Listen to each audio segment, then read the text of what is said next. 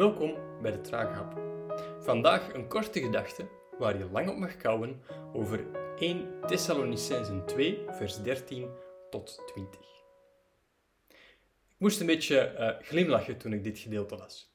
Er staat: Broeders en zusters, nu wij voor korte tijd van u gescheiden zijn, bent u weliswaar uit het oog, maar daarom nog niet uit het hart.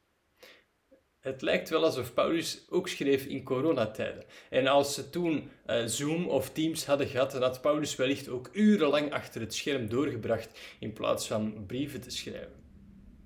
We zitten nu al meer dan een jaar in coronamodus. En buiten een korte opleving vorige zomer en in het vroege najaar werken we al zo lang met livestreams en Zoom-ontmoetingen. En dat weegt op een gemeenschap. We verliezen voeling met elkaar en de ene voelt dat wellicht wat harder aan dan de ander.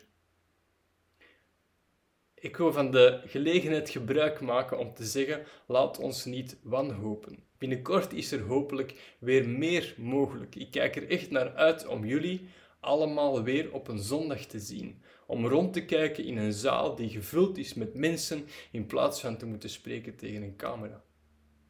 En ik wil jullie aanmoedigen, gebruik intussen de schaarse mogelijkheden die er zijn om elkaar te zien. Het wordt weer beter weer, spreek af voor een wandeling. Ga eens tot bij iemands voordeur. Ik weet het, het is niet ideaal en ik moet toegeven dat ik ook mijn buik vol heb van die gedwongen situaties, maar het is wat we hebben.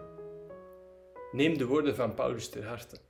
Uit het oog, maar daarom niet uit het hart. Kou er maar verder op. Smakelijk.